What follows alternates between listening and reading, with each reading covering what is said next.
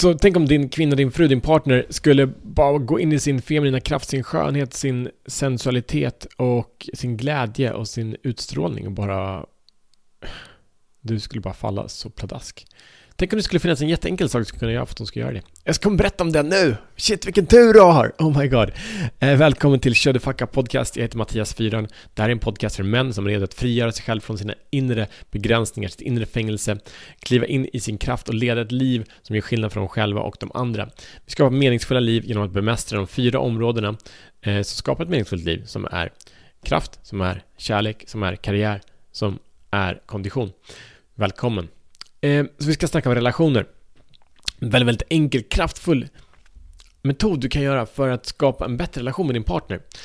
Så vi lever i en, ett samhälle, en kultur där det feminina och maskulina har suddats ut av mycket händer med, med kvinnorörelsen som varit värdefull för att skapa möjligheter för kvinnor, eh, liksom män.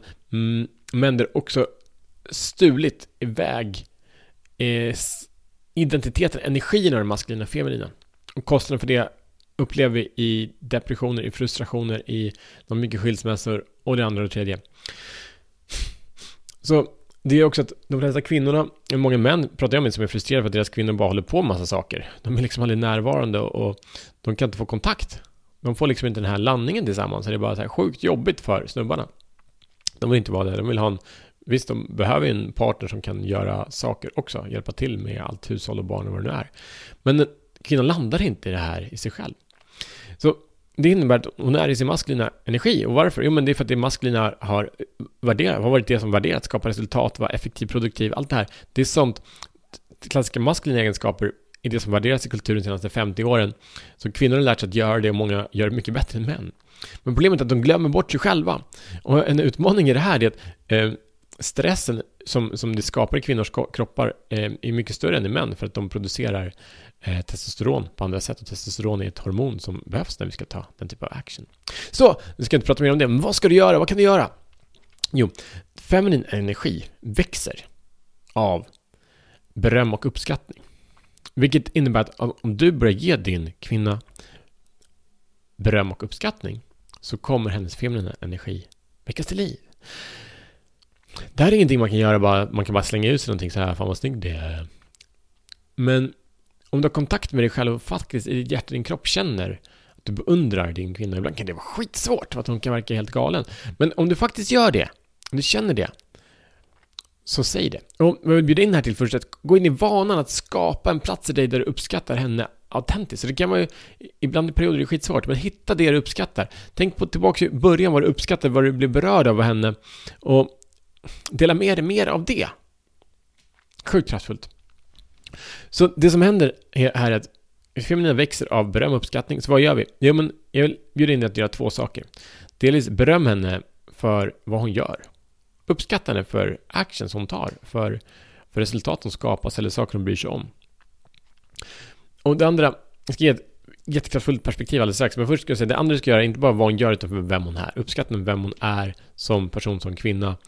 Eh, bara ge henne kärlek, bara tack för dig, tack för att du finns i mitt liv. Eller eh, tack för att du, du, tack för att du värderar det här och det här. Så det perspektivet som är så sjukt kraftfullt är att du värderar olika saker i din kvinna. Du sätter fokus på andra saker i din kvinna. Du lägger energi på andra saker i din kvinna. Och det är inget fel med det. Men om vi ser världen och kommunicerar utifrån vårt perspektiv så kommer inte hon känna sig sedd och hörd. Vilket kommer göra att hon kommer bli hård, rigid och du kommer behöva bevisa Det kommer vara en jävla kamp helt enkelt. Men om du kan ge henne beröm och uppskattning för den hon är, den hon vill vara, den hon strävar efter, de värderingarna hon har. Då kommer hon känna sig enormt sedd och höra hennes feminina energi kommer blomstra.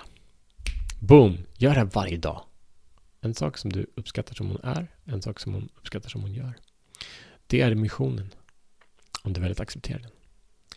Dela med dig av den här podcasten, den här episoden till en man som är redo att frigöra sig själv från sina inre begränsningar och kliva in i sin kraft och som vill förbättra sin relation.